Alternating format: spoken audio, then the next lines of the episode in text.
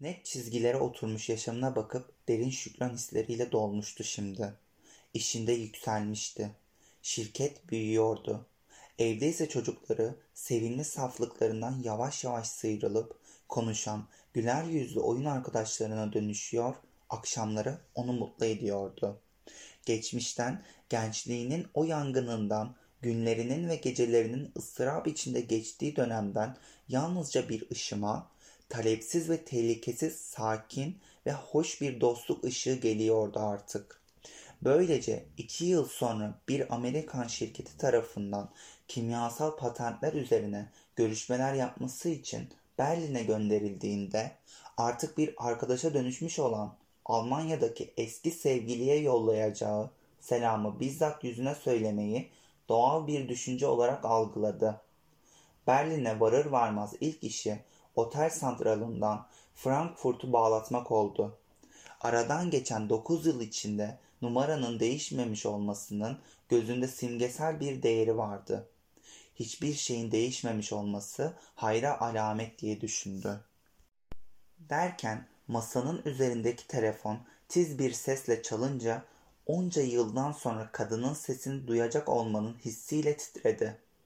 Kendi yaptığı çağrı üzerine kırların, tarlaların, evlerin, bacaların üzerinden savrulacak yılların aralarına soktuğu milleri, denizleri ve toprakları aşıp yakınlaşarak gelecek olan sesine, adam kendi adını söyler söylemez kadın yaşadığı sürprizin etkisiyle şaşkınlık içinde çığlık atıp Ludwig sen misin diye sorunca adamın önce bütün duyguları dikkat kesildi. Ardından pırpır ederek aşağılara doğru inen ses kanını ansızın yüreğine hücum ettirdi. İşte o anda bir yangının içine düştü. Konuşmakta zorlandı. Elindeki ayize titredi. Şaşkınlık içinde çıkan bu heyecanlı tiz ses, sevincin bu ahenkli dışa vurumu adamın canını gizli bir teline dokunmuş olmalıydı. Çünkü kanının şakaklarında attığını hissetti. Kadının söylediklerini anlamakta zorlandı önceden kararlaştırmadığı ve böyle bir niyeti olmadığı, bunu istemediği halde sanki biri kulağına fısıldıyormuşçasına iki gün sonra Frankfurt'a geleceğine söz verdi. O andan itibaren bütün huzuru kaçtı. İşlerini telaş içinde halletti. Görüşmeleri iki misli hızla tamamlayabilmek için otomobillerin birinden inip diğerine bindi. Ertesi sabah uyandığında o gece gördüğü düşü anımsarken kadının dört yıldan sonra ilk kez yeniden düşüne girdiğini biliyordu. Bir telgraf çekerek haber verdiği üzere iki gün sonra bir sabah iliklerine kadar üşüyerek geçirdiği bir gecenin ardından kadının kapısına doğru ilerlerken kendi ayaklarına bakıp ansızın fark etti. Bunlar benim adımlarım değil. Okyanusun karşı kıyısındaki sağlam, dost doğru giden emin adımlarım değil. Neden bir zamanların o çekingen ve ürkek, eski ceketinin üzerindeki tozları titreyen parmaklarıyla utanarak silkeleyen ve zile dokunmadan önce yeni eldivenlerini giyen o 23 yaşındaki gence benzedim yine. Kalbim neden ansızın hızlı hızlı çarpmaya başladı? Neden böyle cesaretsizim? Vaktiyle bu bakır kapının ardında yazgımın beklediğini, beni sevgiyle ya da kötülükle kavrayacağını sezmiştim.'' Ama bugün neden böyle sindim? İçimde kabaran bu huzursuzluk bendeki sarsılmaz ve kesin olan şeyleri neden yok ediyor? Kendine gelmeye boşuna çabaladı. Karısını, çocuklarını, evinin şirketini, yabancı ülkeyi gözüne canlandırdı. Gel gelelim bunların hepsi korkunç bir sis örtüsü altında kalmışçasına bulanıklaşmıştı. Kendini yapayalnız hissetti. Sanki kadının karşısında beceriksiz bir delikanlıydı. Hala yalvaran biriydi. Madeni kapı koluna dokundurduğu eli titriyor, ateş gibi yanıyordu. Ama içeri girer girmez yabancılık duygusu hemen kayboldu. Çünkü iyice zayıflamış ve kuruyup gitmiş olan yaşlı uşağın gözleri dolmuştu. Doktor bey diye kekeledi yaşlı adam bir ışkırığın ardından. Onun kadar sarsılan adam Odysseus diye geçirdi içinden. Evin köpekleri seni tanıdılar. Hanımefendi tanıyacak mı acaba? Derken Kapı perdesi yana doğru itildi ve kadın kollarını açarak ona doğru yürüdü. Ellerinin buluştuğu bir an kısaca bakıştılar. Kıyaslama, bakma, yoklama, ateşli düşünceler, mahcup bir sevinç ve yeniden gizlenen bakışların ardında mutlulukla dolu kısa ama yine de sihirli bir mola. Bunun ardından sorular gülümsemeye, bakışlar samimi selamlaşmaya dönüştü. Evet, oydu hala ama biraz yaşlanmıştı. Hala eskisi gibi ayırdığı saçlarının sol tarafına gümüş rengi bir tutam karışmıştı. Bir nebze daha durgunlaşmıştı ve bu gümüş rengi ziya o bildik yumuşak yüzünü daha da ciddileştirmişti. Adam şimdi aralarına giren sonsuz yılların susuzluğunu hissetti. Bu sakin, hafif şivesiyle çok iyi bildiği ona şimdi gelmekle ne yiğittin. Adam şimdi aralarına giren sonsuz yılların susuzluğunu hissetti. Bu sakin, hafif şivesiyle çok iyi bildiği ona şimdi gelmekle ne iyi ettin diyen sesi nasıl içtiğini anımsadı. Nasıl duru ve özgür bir sesti bu. Sanki bir diyapozona vurulmuş gibi çınlıyordu. Derken aralarında sağlam bir konuşma başladı. Sorular ve yanıtlar sağ ve sol elin piyano tuşlarında gezinmesi gibi tınladı. Berrak bir biçimde iç içe geçti. Birikmiş olan boğucu hava ve tutukluk, kadının varlığıyla ve ağzından çıkan ilk sözcükle birlikte dağılıvermişti. Kadın konuşurken her düşünce ona boyun eğiyordu. Ama kadın ne zaman susup duygulanarak düşünmeye başlasa, dalgın dalgın kapanan göz kapakları ne zaman gözlerini görünmez kılsa, adamın içinden hemencecik bir soru gölge gibi geçiyordu. Bunlar benim öptüğüm dudaklar değil mi? Kadın bir ara telefona çağrılıp adamı odada yalnız bıraktığı sırada geçmiş, dizginlenemez bir biçimde her taraftan adamın üzerine sarıldı. Odaya kadının varlığı hakim olduğu zaman bu çekingen iç sesi siniyordu. Ama şimdi her koltuğun, her tablonun usulca konuşan ağızları ve hepsinin adama söyleyecek sözleri vardı. Sadece onun açıkça algılayabildiği, duyulması olanaksız fısıltılar da bunlar. Ben bu evde yaşadım diye geçirdi içinden. Benden bir şeyler kalmış burada. O yıllara ait bir şeyler. Okyanus ötesine bütünüyle gitmemişim. Kendi dünyama hala bütünüyle geçmemişim. Kadın odaya döndüğünde elbette yine çok neşeliydi ve eşyalar yeniden sindi. Öğle yemeğine kalırsın tabii, değil mi Ludwig? diye keyifli bir doğallıkla sordu kadın. Adam kaldı. Bütün bir gün kadının yanından ayrılmadı. Sohbetlerinde geçmiş yıllara birlikte döndüler ve adam yaşadıklarının gerçek olduğunu ancak orada kadına anlattıkça kavruyordu. Sonunda kadına veda etti. Annelerinkini andıran yumuşacık elini öptü ve kapı ardından kapandığında oradan hiçbir zaman ayrılmadığı duygusuna kapıldı. Ancak gece tanımadığı otel odasında başucundaki saatin tiktaklarıyla baş başa kalıp kalbinin göğsünün ortasında hala şiddetle çarptığını hissedince huzur veren o duygu yok oluverdi. Uyuyamadı. Kalkıp ışığı yaktı. Sonra yeniden söndürdü ve gözünü kırpmadan öylece yattı. Sürekli kadının dudaklarını düşünmekten kendini alamadı ve onu yumuşak sesiyle konuşan o samimi halinden daha farklı biri olarak tanıdığını içinden geçirdi ve bir anda anladı. Aralarında geçen sakin sohbet bir yalandı. İlişkilerinde henüz rahatlamamış ve çözülmemiş bir şeyler vardı ve bütün bu dostluk gergin, sinirli, huzursuzluktan ve tutkudan alt üst olmuş bir yüze suni olarak takılmış bir maskeydi. Okyanus ötesinde barakasındaki ateşin başında geçirdiği bitmek bilmeyen onca gecede, onca yılda, onca günde bu buluşmayı başka türlü düşlemişti. Birbirlerinin üzerine atılacak, son güçlerini toplayıp yakıcı bir kucaklaşmayla sarılacaklardı. Giysiler üzerlerinden savrulacaktı. Yani bu dostane tavır bu kibar sohbetler ve bilgi sormalar gerçek olamazdı. Aktör ve aktris dedik içinden. İki tarafta karşılıklı oynuyor ama kimse kimseyi aldatmıyor. Bu gece mutlaka benim gibi onun da gözüne uyku girmiyordur. Ertesi sabah kadının yanına gittiğinde kendine hakim olamayıp sergilediği sinirli tavrıyla ve gözlerini kaçırmasıyla dikkat çekmiş olmalı ki daha ilk sözünde aklı karışan kadın sonrasında da önceki dengeli tavrıyla konuşamadı. Aralarındaki hava bir gerilip bir yumuşuyordu.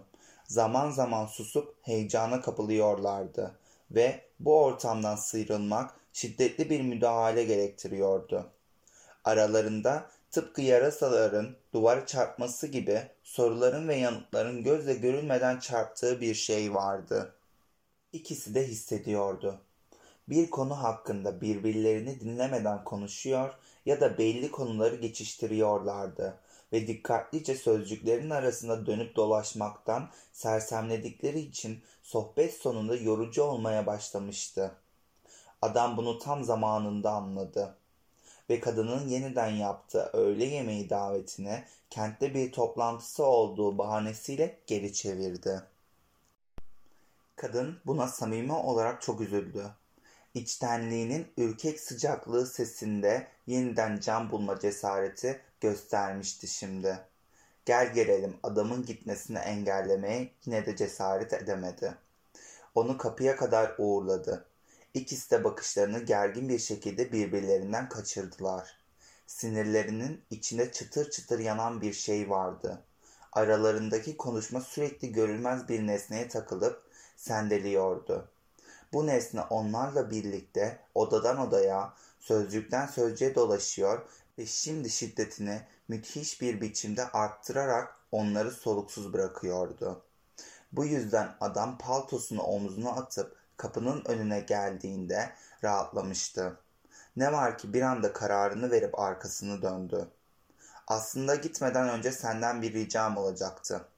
Bu rica senden gelecekse seve seve diye gülümsedi kadın. Adamın bir arzusunu yerine getirebilecek olmanın sevinciyle yüzü aydınlanmıştı. Belki aptalca bir şey dedi adam çekingen bir bakışta. Ama beni anlayacağından eminim. Odayı, içinde iki yıl yaşadığım odayı bir kez daha görmek isterim. Sürekli aşağıdaki konut salonlarında, yabancılara ayrılmış odalarda oturdum. Şimdi böyle dönersem evime hiç gelmemiş gibi hissedeceğim. İnsan yaşlandıkça kendi gençliğini arıyor ve küçük anılar budalaca mutluluklar yaşatıyor. Sen ve yaşlanmak Ludwig, dedi kadın coşkulu sayılabilecek bir tavırla. Nasıl da anlamsız. Sen en iyisi bana saçımdaki şu kırlaşmış tutama bak. Benim yanımda delikanlı gibi kalıyorsun ama yine de yaşlanmaktan söz ediyorsun. Bence bu hakkı bana bırak. Seni doğrudan odana götürmeyi nasıl da düşünemedim. Çünkü orası hala senin odan. Hiçbir şeyin değişmediğini göreceksin. Bu evde hiçbir şey değişmez. Umarım sen de diye adam şaka yapmaya çalıştı. Ama kadının kendisine baktığını görünce bakışlarında elinde olmadan sevgi ve sıcaklık belirdi. Kadın bunun üzerine hafifçe kızardı. İnsan yaşlanıyor ama değişmiyor. Adamın odasına çıktılar. Henüz odaya girerken küçük bir sıkıntı yaşandı. Kadın kapıyı açıp adama öncelik tanımak için kenara çekilirken karşılıklı kibarlıktan aynı anda hareket ettikleri için kapıda omuzları hafifçe birbirine dokundu. İkisi de istemeden ürkerek geriledi. Gel gelelim bedenlerin bu hafifçe dokunuşu bile onları tedirgin etmeye yetmişti. Çıtın çıkmadığı boş odada varlığı iki misli hissedilen felç edici bir sıkılganlık ikisini de sessizce sarıp sarmaladı. Kadın heyecanla pencerenin önüne gidip perdeleri yukarı çeken kordona dokundu. Eşyaların adeta içine sinmiş olan karanlığa biraz ışık yaymak istiyordu. Ama odaya aniden keskin bir aydınlık dolunca sanki ansızın bütün eşyaların gözleri varmış ve korkup huzursuzca hareket ediyorlarmış gibi oldu. Her biri anlamlı bir biçimde öne çıkıp bir anıyı ısrarla dile getiriyordu. Şurada, kadının ihtiyatlı bir ilgiyle gizlice düzene soktuğu dolabı, karşıda adamın aklından bir an geçen arzularına göre dolan kitaplık duruyordu. Şurada da hala boğucu bir tonda dile gelen yatağı vardı. Üzerine serilmiş yorganın altında kadına dair gördüğü nice düşlerin gömülü olduğunu biliyordu. Şu köşede de bunu düşününce bütün bedenine ateş bastı. Kadının vaktiyle kendini adamdan geri çektiği kanepe duruyordu. Alevlenip canlanan ihtirastan tutuşmuş halde şimdi her yerde kadına ait işaretler ve mesajlar hissediyordu. Ve o kadın şimdi yanında durmuş ağır ağır nefes alıyordu. Alabildiğine yabancıydı. Anlaşılmaz bakışlarını ondan kaçırıyordu. Bu oda yıllar öncesinden bütün ağırlığıyla çökmüş olan sessizlik, bu iki insanın varlığından irkilip kabardıkça kabarıyor, ciğerlerinin ve ezilen yüreklerinin üzerine hava basıncı gibi oturuyordu. Bir şey söylenmeliydi şimdi. Boğmaması için bir şey bu. Sessizliği sarsıp atmalıydı. İkisi de bunu hissediyordu. Ve ansızın arkasına dönerek kadın yaptı bunu. Kararlı bir tavırla her şey eskisi gibi değil mi? diye sorup havadan sudan konuşurmuş gibi söze başladı. Ama sesi boğuktu, titriyordu. Ancak adam bu zorunlu konuşmaya katılmayıp dişlerini birbirine geçirdi. Dişlerinin arasından bir anda hiddetle evet her şey sözleri döküldü. Her şey eskisi gibi. Sadece biz değiliz. Biz değiliz. Kadının üzerine sanki ısırılıyormuş gibi çullanmıştı bu sözler. Yüzünde korkulu bir ifadeyle döndü. Ne demek istiyorsun Ludwig? Ama adamla göz göze gelemedi. Çünkü adamın gözleri şimdi onunkileri hedef almamış, sessizce ve alev alev yanarak kadının dudaklarına çevrilmişti. O dudaklara yıllardır dokunamamıştı. Oysa bir zamanlar o dudaklar dudaklarına değdiğinde tenini yakardı. Meyve gibi algıladı o nemli dudaklar. Kadın onun bakışlarındaki şehveti utanarak fark etti. Yanakları kızardı. Gizemli bir gençlik belirdi yüzünde. Öyle ki adamın gözüne bir zamanlar aynı odada yaşanan veda saatindeki gibi göründü.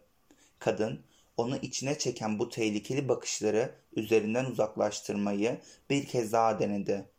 Aşikar olanı anlamazdan geldi. Ne demek istiyorsun Ludwig diye tekrarladı bir kez daha. Ama bu sorudan ziyade açıklama yapılmaması için bir yakarıştı. Adam bunun üzerine kararlı ve kesin bir hareket yaptı ve erkeksi bir güçle kadının bakışlarını bakışlarıyla yakaladı. Beni anlamak istemiyorsun ama anladığını çok iyi biliyorum. Bu odayı hatırladın mı? Ve bu odada bana ettiğin yemini hatırladın mı? Döndüğümde kadının omuzları titredi ama hala kendini korumaya çalışıyordu. Bırak bunları Ludwig. Bunlar eski meseleler. Hiç dokunmayalım. Zaman nerede kaldı? Zaman bizim içimizde, dedi adam kararlı bir sesle. İrademizde. Ben dudaklarımı ısırıp dokuz yıl bekledim. Ama hiçbir şeyi unutmadım. Soruyorum sana, hatırlıyor musun hala? Evet, dedi kadın, ona daha sakin bir ifadeyle bakarak. Ben de hiçbir şeyi unutmadım. Peki istiyor musun? Adam sesinin güçlü çıkması için solumak zorunda kaldı. Yeminini yerine getirmek istiyor musun? Kadının yüzünü yeniden kaplayan pembelik saç diplerine kadar yayıldı. Yatıştırmak isteyen bir ifadeyle adama yaklaştı. Ludwig, iyi düşün. Hiçbir şeyi unutmadığını söyledin. Ama unutma ki ben artık yaşlı bir kadın sayılırım. İnsanın saçları kırlaşınca ne isteyecek ne de verecek bir şey kalıyor. Rica ediyorum, geçmişi geçmişte bırak. Gel gelelim sert ve kararlı olmak adamın içine ihtiras gibi sarmıştı şimdi. Benden kaçıyorsun diye ısrar etti. Ama ben çok uzun zaman bekledim. Sana soruyorum. Verdiğin sözü hatırlıyor musun? Kadının sesi her sözcükte titriyordu. Bunu bana neden soruyorsun? Sana bunu söylememin şimdi her şey için geç kalınmışken hiçbir anlamı yok. Ama madem istiyorsun sana yanıt vereceğim. Senin isteğini asla geri çeviremezdim. Seni tanıdığım günden beri daima sana ait oldum. Adam kadına baktı. Nasıl dürüst bir kadındı. Aklının karıştığı anlarda bile nasıl duru, nasıl gerçekti. Yüreksiz davranmıyor, kaçamak sözlere sığınmıyordu. Hep aynıydı. Sevdiği kadındı. Kendine her daim muhteşem bir biçimde hakimdi. Hem çekingen hem açıktı. Adam içinden gelerek kadına doğru hamle yaptı. Ama kadın onun hareketlerindeki coşkuyu görür görmez yalvaran bir tavırla ona engel oldu. Hadi Ludwig, hadi kalmayalım burada. Aşağıya inelim. Öyle vakti şimdi. Hizmetçi kız beni arıyordur. Her an gelebilir. Bu odada daha fazla kalamayız. Tıpkı bir zamanlar hiç ağzını açmadan ona itaat etmesi gibi adamın iradesi kadının güçlü mizacına karşı koyamayıp kırıldı. Birlikte konuk salonuna indiler. Koridoru geçtiler. Tek bir söz etmeye çalışmadan ve birbirlerine bakmadan kapıya kadar geldiler. Adam kapının önünde ansızın kadına doğru yürüdü. Şu an sana bir şey söyleyemiyorum. Kusura bakma. Sana yazacağım. Kadın ona şükran dolu bir ifadeyle gülümseyip evet yaz bana. Ludwig böylesi daha iyi dedi. Adam otel odasına varır varmaz kendini masaya atıp uzun bir mektup yazdı. Tutkusunun ansızın reddedilmesinden duyduğu aşırı heyecanı her sözcükte, her sayfayla birlikte daha da coştu. Almanya'daki son günüydü. Aylarca, yıllarca belki de bir daha hiç gelmeyecekti ve kadından o soğuk konuşmanın yarattığı yalanla ayrılmak istemiyordu. Ayrılamazdı böyle. Kalabalık içinde bir araya gelmenin sahteliğine mecbur kalmışlardı. Onunla bir kez daha konuşmak istiyordu. Mutlaka konuşmalıydı. Yalnız, evden uzakta, anıların yarattığı korkudan ve gözlem altında tutulan, insanı engelleyen odaların boğuculuğundan uzakta. Böylece kadına Heidelberg'e giden gece treninde ona eşlik etmesini önerdi. Oraya on yıl önce gidip kısa bir süre kalmışlardı. O günlerde birbirlerine henüz yabancıydılar. Ama içlerindeki sıcaklığı sezmiş olmanın etkisindeydiler yine de. Ama bugünkü veda olmalıydı. En son, en derin veda böyle olmasını arzuluyordu. Bu akşamı, bu geceyi istiyordu kadından. Mektubu aceleyle mühürledi. Bir ulakla kadının karşıdaki evine yolladı. Ulak 15 dakika içinde geri döndü. Elinde sarı mühürlü küçük bir zarf tutuyordu. Zarfı titreyen ellerle yırtarak açtı. İçinde bir pusula vardı yalnızca. Kadının sarsılmaz ve kararlı yazısıyla aceleyle ama yine de sağlam bir tarzda yazılmıştı.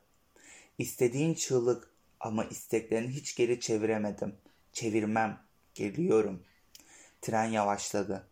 Geçtikleri ışıl ışıl bir istasyon hızını düşürmesine yol açmıştı. Düşlere dalmış olan adamın farkında olmadan derinlerden doğrulttuğu bakışlarında arayan bir ifade belirdi. Derken düşündeki sevgiyle ona doğru dönmüş, yarı karanlığa gömülmüş silüeti gördü. Evet, oydu. Ona daima sadık kalan, sessizce seven kadın onunla gelmişti. Ona gelmişti. Kadının mevcudiyetinin somutluğu onu tekrar tekrar kucakladı. Kadın adamın arayan bakışlarını, onu uzaktan ürkekçe okşamasını bir şekilde hissetmiş olmalı ki oturduğu yerde doğrulup pencereden dışarı baktı. Nemli ve bağır loşluğuna bürünmüş bulanık bir manzara. Işıldayan sular gibi gözlerinin önünden akıp gidiyordu. Birazdan varmış olacağız dedi kadın. Kendi kendine konuşur gibi. Evet dedi adam derin derin iç geçirerek. Ne uzun sürdü. Adam aslında kendi de bilmiyordu. Sabırsızca iç geçirerek ağzından dökülen bu sözlerle yolculuğu mu yoksa o saate kadar geçen uzun yılları mı kastetmişti? Düş ve gerçek arasına gidip gelmeler duygularını dalga dalga kabartıyordu. Tek hissettiği altlarında takırdayan tekerleklerin onun tuhaf bir sersemlikten dolayı tam olarak anlamadığı bir şeye belli bir ana doğru yol aldıydı. Hayır düşünme. Seni gizemli bir şeye doğru götüren görünmez gücün kollarına kendini tamamen bırak. Sorumsuzca, bütün kaslarını gevşeterek. Bir damadın bekleyişi gibi bir şeydi bu. Hoş ve şehvetli ama vuslat öncesi yaşanan korkunun etkisiyle daraltıcı ve karanlıktı. Sonsuzca arzulanan bir şeyin ansızın gerçek olup şaşkın yüreğe yaklaşması mistik bir ürperti yaratıyordu. Hayır, sakın bir şey düşünme şimdi. Hiçbir şey isteme, arzulama. Böylece kal. Düş görür gibi belirsize doğru bırak kendini. Yabancı bir selle sürüklen, birbirinize dokunamadan ama yine de birbirinizi hissederek, birbirinize arzulayarak ama ulaşamadan, yazgıya doğru salınarak ama sonra dönüp kendi kaderine boyun eğerek. Böylece kal yalnızca. Bu bitmeyen alacakaranlıkta saatlerce sonsuza kadar düşlerle sarıp sarmalanarak çok geçmeden içini dolduran, bunun birazdan son bulabileceği düşüncesi usulca yaklaşan bir korku gibiydi. Derken tıpkı ateş böcekleri gibi şurada, burada, karşıda, ötede, vadiye kadar yayılan elektrikli kıvılcımların ışıltısı gitgide arttı. İki sıra halinde dizili sokak lambaları dümdüz uzanıp gitti. Rayların şakırtıları birbirine karıştı. Sonra karanlığın içinden hafif bir buğuyla kaplı soluk bir kubbe belirdi. Kompartımandaki adamlardan biri ayağa kalkıp ötekilerine Heidelberg'e dedi. Üç adam şişkin çantalarını aldılar ve bir an önce kapıya ulaşmak için kompartımandan çıktılar. Frenin etkisiyle gıcırdayan tekerlekler istasyona giriş yaptı. Sert ve silkelen bir sarsıntı oldu. Tren durdu ve tekerleklerden eziyete uğrayan bir hayvandan yükseldiği hissini veren bir ses yayıldı. Kadınla adam bir saniye baş başa kalıp karşılıklı oturdu. Bir anda yüzleştikleri gerçek ürkütmüştü onları. Geldik mi? Bu seste gayri ihtiyari bir korku vardı. Evet, dedi adam ayağa kalkarak. Sana yardımcı olabilir miyim? Kadın bu öneriyi geri çevirip hızlı adımlarla önden yürüdü. Ancak vagonun basamağında yeniden durdu. Sanki ayağını soğuk suya daldıracakmış gibi bir an duraksadı. Ardından bir hamle yaptı. Adam da konuşmadan onu izledi. Sonra peronda bir an yan yana durdular. Sonra peronda bir an yan yana durdular. Çaresiz, yabancı ve sıkıntılıydılar. Adamın elindeki bavul ağır ağır sallanıyordu. İşte o sırada yanında durdukları ve yeniden çalışmaya başlayan lokomotiften korkunç bir buhar yayıldı. Kadın irkilip adama baktı. Yüzü solgun, gözlerindeki ifade şaşkın ve kuşkuluydu. Neyin var diye sordu adam. Yolculuk çok güzeldi. Yazık. İlerleyip duruyorduk. Bana kalsa daha saatlerce öyle gidebilirdim. Adam sesini çıkarmadı. O anda o da aklından aynı şeyleri geçiriyordu. Ama yolculuk artık bitmişti. Bir şeyler olmalıydı. Gidelim mi diye usulca sordu. Evet, evet gidelim diye mırıldandı kadın belli belirsiz. Ama içlerinde bir şeyler kırılmış gibi hala öylece yan yana duruyorlardı. Sonra adam onu kolundan tutmayı unutmuştu. Kararsızlık içinde dönüp karma karışık düşüncelerle çıkışa yöneldiler. Adam aslında kendi de bilmiyordu. Sabırsızca iç geçirerek ağzından dökülen bu sözlerle yolculuğu mu yoksa o saate kadar geçen uzun yılları mı kastetmişti? Düş ve gerçek arasında gidip gelmeler duygularını dalga dalga kabartıyordu. Tek hissettiği altlarında takırdayan tekerleklerin onun tuhaf bir sersemlikten dolayı tam olarak anlamadığı bir şeye belli bir ana doğru yol aldıydı. Hayır düşünme. Seni gizemli bir şeye doğru götüren görünmez gücün kollarına kendini tamamen bırak. Sorumsuzca, bütün kaslarını gevşeterek. Bir damadın bekleyişi gibi bir şeydi bu. Hoş ve şehvetli ama vuslat öncesi yaşanan korkunun etkisiyle daraltıcı ve karanlıktı. Sonsuzca arzulanan bir şeyin ansızın gerçek olup şaşkın yüreğe yaklaşması mistik bir ürperti yaratıyordu. Hayır, sakın bir şey düşünme şimdi. Hiçbir şey isteme, arzulama. Böylece kal. Düş görür gibi belirsize doğru bırak kendini. Yabancı bir selle sürüklen, Birbirinize dokunamadan ama yine de birbirinizi hissederek, birbirinize arzulayarak ama ulaşamadan, yazgıya doğru salınarak ama sonra dönüp kendi kaderine boyun eğerek. Böylece kal yalnızca. Bu bitmeyen alacakaranlıkta saatlerce sonsuza kadar düşlerle sarıp sarmalanarak çok geçmeden içini dolduran, bunun birazdan son bulabileceği düşüncesi usulca yaklaşan bir korku gibiydi. Derken tıpkı ateş böcekleri gibi şurada, burada, karşıda, ötede, vadiye kadar yayılan elektrikli kıvılcımların ışıltısı gitgide arttı. İki sıra halinde dizili sokak lambaları dümdüz uzanıp gitti. Rayların şakırtıları birbirine karıştı. Sonra karanlığın içinden hafif bir buğuyla kaplı soluk bir kubbe belirdi. Kompartımandaki adamlardan biri ayağa kalkıp ötekilerine Heidelberg'e dedi. Üç adam şişkin çantalarını aldılar ve bir an önce kapıya ulaşmak için kompartımandan çıktılar.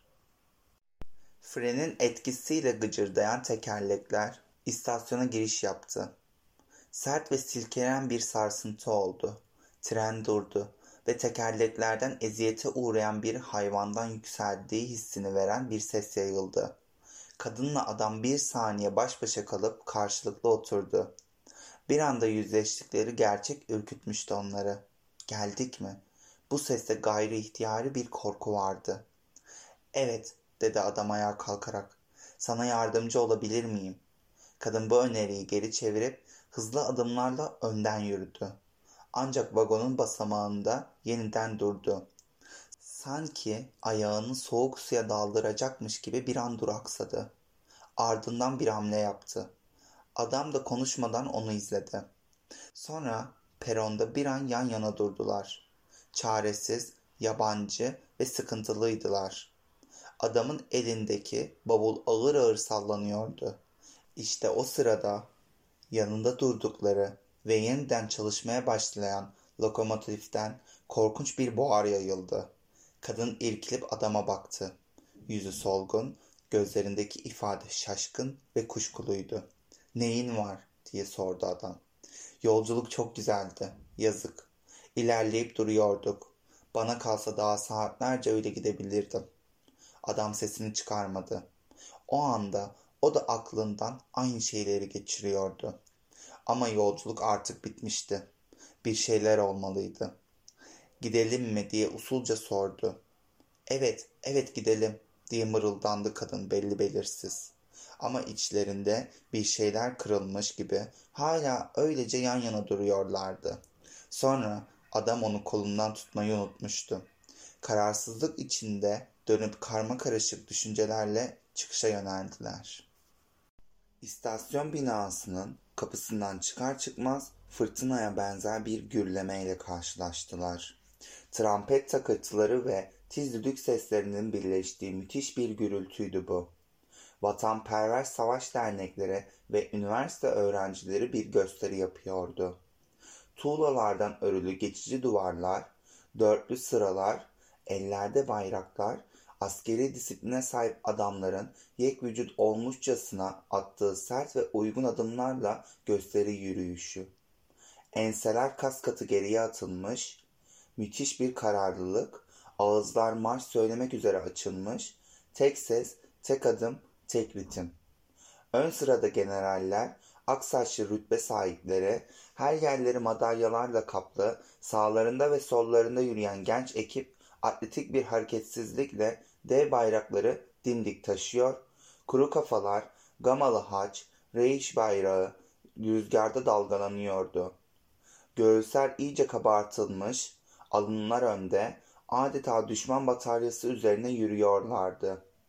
Kitleler sanki sıkılmış bir yumruk tarafından planlı bir şekilde itilircesine geometrik bir düzenle ve sırayla yürüyor, pergelle çizilmiş gibi belli bir mesafeyi koruyor ve adımlarına özen gösteriyordu.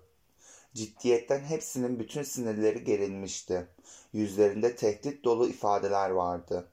Yükseltilmiş kürsünün önünden ne zaman yeni bir sıra geçse gaziler, gençler, üniversite öğrencileri trampetler görünmeyen çelik bir örsün üzerine ritmik hareketlerle aralıksız vuruyor, kafalardan oluşan kalabalığın içinde askeri bir çeviklikle bir hareketlenme meydana geliyordu. Enseler tek bir irade ve tek bir hareketle sola çevriliyor, sivillerin geçit törenine taş gibi bir yüzle izleyen komutanın önünde iplere gerili bayraklar gibi titriyordu. Sakalları çıkmamış, bıyıkları henüz terlemiş gençler ya da yüzleri buruşup çökmüş adamlardı bunlar. İşçiler, üniversite öğrencileri, askerler ya da delikanlılardı. Sert, kararlı, öfkeli bakışlarının kafa tutarcasına uzattıkları çenelerinin ve kılıç sapının görünmeyen etkisiyle o anla hepsinin yüzünde aynı ifade vardı. Geçen her takımla birlikte yeniden güm güm inen, tek düzeliğiyle iki misli tahrik eden trampetin gümbürtüsü yükseldikçe sırtları dikleşip bakışları sertleşiyordu. Savaş ve öç mimarları sakin meydanda hafif bulutlarla bezeli gökyüzüne doğru görünmez bir biçimde dizilmişlerdi. Adam şaşkınlıktan sendeleyerek çılgınlık diye kendi kendine kekeledi. Çılgınlık. Ne istiyor bunlar? Yeniden, yeniden mi? Onun yaşamını alt üst eden bu savaşı bir kez daha mı yaşamak istiyorlardı? Dörtlü sıralar halinde gelen dar sokağın karanlık kutusundan kare bir film şeridi gibi açılan bu gencecik yüzlere garip bir ürpertiyle bakıp salınan kapkara yığına gözlerini dikti. Bakışlarıyla dokunduğu her çehre aynı donukluktaydı.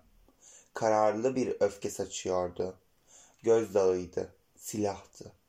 Bu ılık Haziran akşamında keyifli düşler kuran bir kentte zangırdayarak çekiş darbeleriyle yayılan gözdağının ne işi vardı? Ne istiyorlar? Ne istiyorlar? Bu soruyla boğuluyordu hala. Dünyayı az öncesine kadar camdanmış gibi ışıl ışıl ve ahenkli algılamıştı. Şefkatin ve aşkın güneşiyle ısınmıştı. İyiliğin ve güvenin ezgileriyle sarmalanmıştı. Ve şimdi bu yığının attığı demir adımlar her şeyi yıkmıştı. Askeri bir kuşanma içinde bin sesli, bin türlü ama çığlığında ve bakışlarında tek nefes olmuş kin, kin, kin. Gayri ihtiyari kadının kolunu tuttu. Sıcak bir şey hissetmek istiyordu. Aşk, tutku, iyilik, merhamet, yatıştırıcı bir duygu arıyordu. Gel gelelim trampetler iç sessizliğini çadırdatıp ikiye ayırmıştı. Ve şimdi binlerce ses anlaşılmaz bir savaş şarkısında gürleyerek birleşince dünya uygun adımlar altına sarsılmış, hava devasa güruğun aniden attığı yaşasın çığlıklarıyla patlamış ve adam incecik ve ahenkli bir şeyin gerçeğin bu cebri gürleyişinde kırıldığını hisseder gibi olmuştu. Yan tarafında hissettiği hafif bir dokunuşla irkildi. Kadının eldivenli parmakları yumruğunu böylesine delice sıkmaması için onun parmaklarını nazikçe uyarıyordu. Adam bunun üzerine gördüklerine sabitlenmiş olan bakışlarını çevirdi. Kadın konuşmuyor, suskunca yalvarıyordu. Adam kolunun usulca çekiştirildiğini hissetti sadece. Evet, gidelim diye mırıldandı adam kendini toparlayarak. Görünmeyen bir şeye karşı savunmaya geçer gibi omuzlarını dikleştirdi ve lejyonerlerin sonu gelmeyen geçidine kendisi gibi konuşmadan gözlerini dikmiş olan puslu insan kalabalığının arasından sert bir hamleyle ilerlemeye başladı. Nereye gitmeye çalıştığını bilmiyordu. Bu uğultulu kargaşadan bir an önce kurtulmalıydı. Uzaklaşmalıydı oradan. İnsafsız bir ölçüyle zangırdayan havan toplarının içinde sükunetini ve hayallerini çiğneyip geçtiği bu meydandan kaçmalıydı. Sadece gitmek. Onunla yalnız kalmak istiyordu. Aynı çatı altında karanlığa gömülüp onun nefesini hissetmek istiyordu. On yıldan beri ilk kez gözetlenmeden rahatça gözlerinin içine bakabilmek, gördüğü sayısız düşte hayalini kurduğu ancak bu durmaksızın hareket eden çığlıklarıyla ve yürüyüşüyle kendi kendini çiğneyip geçen insan dalgasının neredeyse tamamen sürükleyip götürdüğü bu baş başa olmanın sonuna kadar tadını çıkarmak istiyordu. Sinirli bakışlarla binaları taradı. Hepsi bayraklarla kaplıydı. Aralardaki bazı binalar üzerindeki yaldızlı yazılardan anlaşıldığı üzere şirketler ya da küçük otellerdi. Küçük bavulu birden onu uyarırcasına ağırlaştı. Bir yerde konaklamalı, dört duvar arasında baş başa olmalıydılar. Kendilerine bir avuç sessizlik, birkaç metrekare oda satın almalıydı. İşte o anda bir otelin yüksek taştan cephesinde parıldayan altın yaldızlı adı ona yanıt verircesine ön plana çıktı. Cam kapısı adeta onlara doğru bir kemer oluşturdu. Adamın adımları yavaşladı, soluğu kesilir gibi oldu. Durdu, şaşkındı. Kolunu gayri ihtiyari kadının kolundan çekti. Şurası iyi bir otelmiş, tavsiye ettiler bana, diye yalan söyledi. Utancından heyecanla kekeleyerek. Kadın korkuyla geriledi. Solgun yüzüne kan hücum etti. Dudakları kıpırdadı. Bir şeyler söylemek istedi. Belki de on yıl önceki aynı sözler. O ürkek, şimdi olmaz, burada olmaz dökülecekti dudaklarından. Ama o anda adamın üzerine çevrilmiş ürkek, gergin, sinirli bakışlarını gördü. Sessiz bir onayla başına eğdi. Cesaretsiz adımlarla adamın peşi sıra yürüyüp eşiğe atladı. Otelin resepsiyonunda müşteriyle arasına mesafe koyan ahşap bölmenin ardında görevli duruyordu. Yüzünde umursamaz bir ifade, başında renkli bir şapka vardı. Bir geminin çanaklığında gözetleme görevini yerine getiren kaptan misali çalımlıydı. Çekinerek içeri giren ikiliye doğru tek bir adım bile atmadı. Tek yaptığı küçük bavulu küçümseyen ve değer biçen bir bakışla hızla süzmek oldu. O yerinde beklediği için kadınla adam onun yanına gitmek zorunda kaldılar. Ama birden önüne açtığı kocaman yevmiye defterinin sayfalarını hararetle inceliyormuş gibi yaptı. Konaklamak için uğraşan adam önüne gelip durunca başını kaldırdı. Soğuk ve sınayan bir ifadeyle rezervasyonunuz var mı diye sertçe sordu. Karşısındakinin neredeyse suçluymuş gibi verdiği olumsuz yanıt üzerine yeniden önündeki sayfaları karıştırmaya başladı. Korkarım boş oda yok. Bizim bugün burada bayrak teslim töreni vardı. Ancak dedi sonra lütfedercesine ne yapabilirim diye bir bakacağım diye ekledi. Küçük düşürülen adam şunun ağzına bir yumruk indirebilmek isterdim diye geçirdi içinden. Şu her yeri şeritli başçavuş kılıklının 10 yıldan sonra ilk kez yine dilenen merhamet edilen kişi ve davetsiz misafir olmuştu orada. Ama kasıntı adam bu arada karmaşık incelemesini tamamlamıştı. 27 numara az önce boşaldı. İki yataklı bir odadır eğer ilgilenirseniz. Boğuk bir sesle hemen tamam diye homurdanmaktan başka seçeneği olmayan adam uzatılan anahtarı eli titreyerek aldı. Bu adamla arasına bir an önce suskun duvarların girmesi için sabırsızlanıyordu. Derken arkadan kaydınızı yapın lütfen diyen sert ses yeniden çınladı. Adamın önüne dikdörtgen bir kağıt konuldu. 10 ya da 12 sütuna bölünmüştü. Bunları doldurması gerekiyordu. Mesleği, adı, yaşı, doğum yeri, yaşadığı yer ve ülke, yani kurumların insana sorduğu rahatsız edici sorular. Hoşlanmadığı bu işi hızlıca yerine getirdi.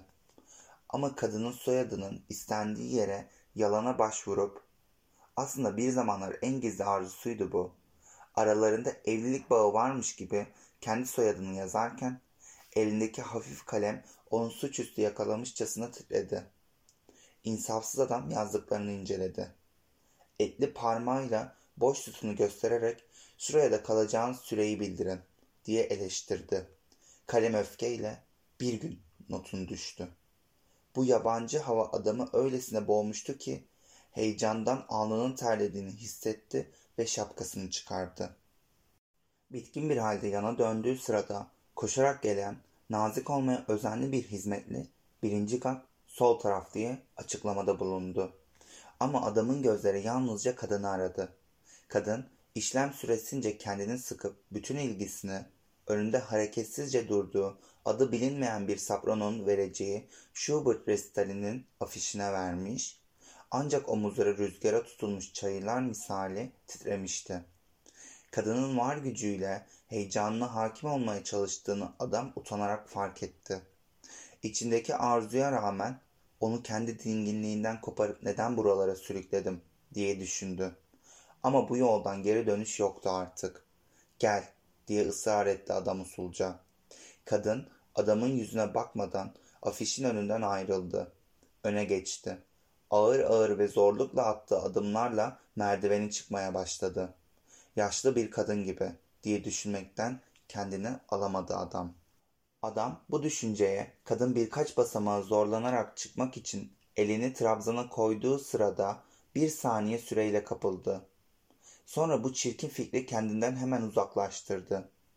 Gel gelelim zorla beyninden attığı bu duygunun yerinde geriye soğuk, acıtıcı bir şey kalmıştı. Sonunda üst katın koridoruna ulaştılar. Suskunlukla geçirdikleri bu iki dakika sonsuzmuş gibi geldi. Kapılardan biri açık duruyordu. Onların odasıydı burası. Odacı kız elinde toz bezi ve süpürgeyle içeride hala çalışıyordu. Bir saniye, hemen bitiriyorum diye özür diledi. Oda az önce boşaldı. Ama girebilirsiniz. Temiz çarşaflar getireceğim sadece. Girdiler. Pencereleri kapalı odanın havası ağır ve tatlımsıydı. İçerisi zeytinyağlı sabun ve sigara dumanı kokuyordu. Yabancı birilerinin görünmez silüeti bir yere büzülüp oturmuştu adeta. Çift kişilik dağınık yatak odanın hangi amaca hizmet ettiğini açıkça gösterircesine ortada küstahça duruyordu. Belki de insanların sıcaklığını koruyordu hala. Bu açıklık adamı tiksindirdi. Elinde olmadan kaçarcasına pencereye doğru gitti. Camları sertçe itip açtı.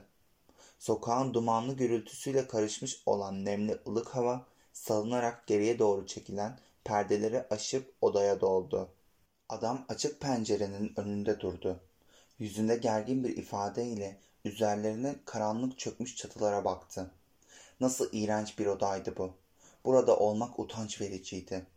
Baş başa olmanın yıllarca özlemini çektikten sonra nasıl bir düş kırıklığına uğramışlardı. O da kadın da bunun böylesine ani, böylesine çıplak olmasını istememişlerdi. Üç, dört, beş kez soluk alıp sayıyordu çünkü. Dışarıya baktı. İlk sözü söylemeye cesareti yoktu. Ardından hayır, kendini zorladı ama konuşamadı. Sonra adamın tahmin ettiği, korktuğu gibi kadın kurşuni pardösüsünün içinde taş gibi kas katı halde odanın ortasında öylece duruyordu. Kollarını hem sarkıtıp hem bükmüştü. Oraya ait değilmiş de şiddetli bir rastlantı, bir yanlışlık sonucu kendini bu aykırı odada bulmuş gibiydi. Eldivenlerini çıkarmıştı. Belli ki bir yere koyacaktı. Ama bu odanın bir yerine bırakmaya tiksinmişti. Böylece eldivenleri içleri boş kabuklar gibi elinde sallanıyordu. Gözleri bir peçenin ardında donup kalmıştı sanki. Adam dönünce ona yalvararak baktılar. Adam anlamıştı. Ne dersin? Sesi tuttuğu soluğunda boğulmuştu. Ne dersin? Çıkıp biraz dolaşsak mı? Burası çok boğucu. Evet, evet. Sözcükler kurtulmuşçasına ağzından taşmıştı kadının. Korku zincirlerini kırmıştı. Kadının eli hemen kapı koluna uzandı. Adam daha ağır adımlarla onun arkasından yürüdü ve gördü. Kadının omuzları öldürücü pençelerden kurtulmuş bir hayvanınki gibi titriyordu. Cadde sıcak ve insanlarla dolu halde bekliyordu. Geçit resminden dolayı insanlar hala akın akın yollarda oldukları için huzursuz bir hareketlilik hakimdi. Böylece kadınla adam daha sakin olan yan sokaklara, 10 yıl önce yaptıkları bir pazar gezmesinde yürüdükleri, şatoya çıkan o ormanlık yola saptılar. Adam gayri ihtiyari, hatırlıyor musun? Bir pazar günüydü, dedi yüksek sesle. Belli ki aynı düşüncelere dalmış olan kadın, seninle yaşadığım hiçbir şeyi unutmadım, diye usulca yanıt verdi. Otto okul arkadaşıyla yürüyordu. Önden deli gibi koşturuyorlardı. Ormanda az kalsın kaybedecektik onları. Geri dönmesi için ben arkasından seslenip durmuştum. Aslında istemeden yapmıştım bunu. Çünkü seninle yalnız kalmak için can atıyordum. Ama o günlerde birbirimize yabancıydık henüz. Bugün de diye şaka yapmaya çalıştı adam. Ama kadın sesini çıkarmadı. Bunu söylememem gerekirdi diye düşündü adam sıkıntıyla. İki de bir o günlerle bugünü karşılaştırmam için beni dürten şey nedir böyle? Ona bugünden söz etmeyi neden başaramıyorum? O günler ve geçmiş zorla aramıza giriyor. Konuşmadan yamacı tırmandılar. Binaların solgun ışıkları aşağıda görünmeye başlamıştı bile. Akşamın inmeye başladığı vadide kıvrılarak akan nehir gitgide daha çok ışıldıyor, hışırdayan ağaçlar karanlık yaparak üzerlerine doğru eğiliyordu. Karşıdan gelen yoktu. Önlerinde sadece kendi gölgeleri sessizce ilerliyordu. Bir sokak lambası ne zaman üzerlerine çapraz olarak vursa gölgeleri sarılırmış gibi iç içe geçiyor, eriyor, yayılıyor, kavuşuyor, iki beden yek vücut oluyor, sonra yeniden kucaklaşmak üzere ayrılıyordu. Oysa o sırada onlar yüzleri solgun, soluk soluğa yürüyorlardı. Bu garip oyunu, ruhları olmayan bu karaltıların kaçmalarını, tutmalarını, yeniden kucaklaşmalarını büyülenmiş gibi izliyordu adam. Onların yansımalarından başka bir şey olmayan bu gölge bedenlerin, bu cansız endamların kaçışlarına ve birbirine dolanmalarına hastalıklı bir merakla bakarken akıp kaybolan simsiyah resmin etkisine kapılıp yanında yürüyen canlıyı neredeyse unutmuştu. Tam olarak bir şey düşünmese de bu ürkek oyunun ona bir şeyi, içindeki koyunun derinlerinde yatan ve şimdi huzursuzca kabaran bir şeyi anımsattığına dair bunaltıcı bir his vardı içinde. Sanki anımsamanın yarattığı bakraç tehdit edercesine usulca yaklaşıp huzursuzluk veriyordu. Neydi bu acaba? Adam uyuyan ormandaki bu gölge oyununun ona neyi anımsattığını bulabilmek için bütün duygularını zorladı. Bazı sözler olmalıydı. Bir olay, bir yaşantı, duyduğu, hissettiği bir şey, bir melodiye bürünmüş, çok derinlerde yatan, uzun yıllar dokunmadığı bir şey. Ve bilinmezlik ansızın dağıldı. Unutmanın karanlığında ışıltılı bir aralık belirdi. Sözlerdi bunlar. Bir akşam kadının ona odada okuduğu bir şiirdi. Bir şiirdi evet, Fransızcaydı. Adam sözcükleri anımsıyordu. Kavurucu bir rüzgarın sürükleyip getirmesi gibi bir anda dudaklarındaydılar. Ve yabancı bir şiire ait unutulmuş bu dizeleri on yıl öteden kadının sesinden duyuyordu. Dolu je vois so little regrets. Du spico je je le pes. Bu dizeler belleğinde canlanır canlanmaz buna sihirli bir hızla bütün bir fotoğraf ekleniverdi. Altın sarısı lambanın loş salonda ateş gibi yandığı bir akşam, kadın ona Varley'nin şiirini okumuştu. Kadının o günkü oturuşu gözünün önünde canlandı. Lambanın gölgesinde karanlıkta kalmıştı. Hem yakın hem uzaktı. Sevdiği ve ulaşamadığı kadın yüreğinin o gün heyecandan nasıl çarptığını bir anda hissetti.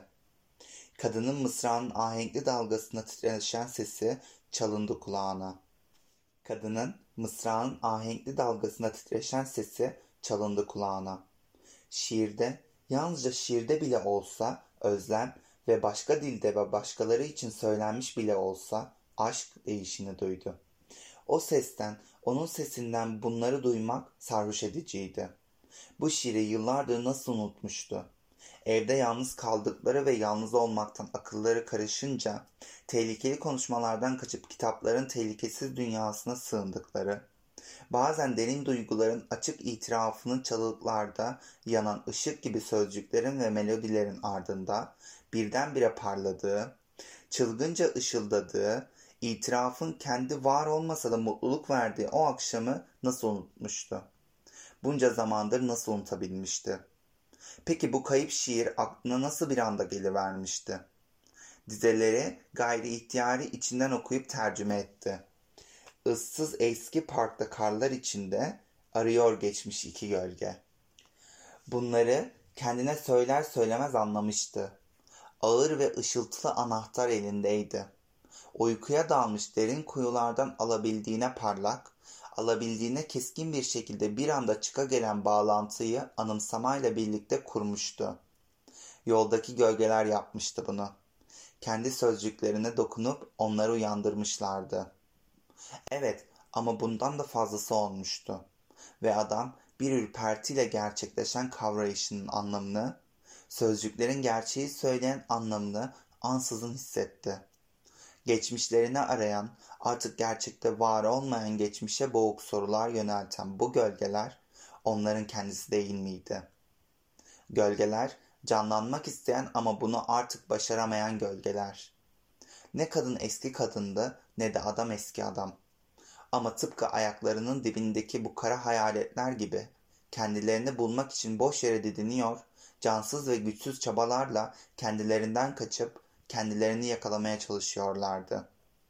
Bilinçsizce iç geçirmiş olmalıydı ki kadın hemen ona doğru döndü. Neyin var? Ludwig, ne düşünüyorsun? Ama adam geçiştirmekle yetinip hiç, hiç dedi. İçinin daha derinlerine kulak verip geçmişe döndü. Acaba o ses, anımsayarak gerçekleri söyleyen o ses ona dönüp geçmişle birlikte bugünün üzerindeki örtüyü de kaldıracak mıydı?''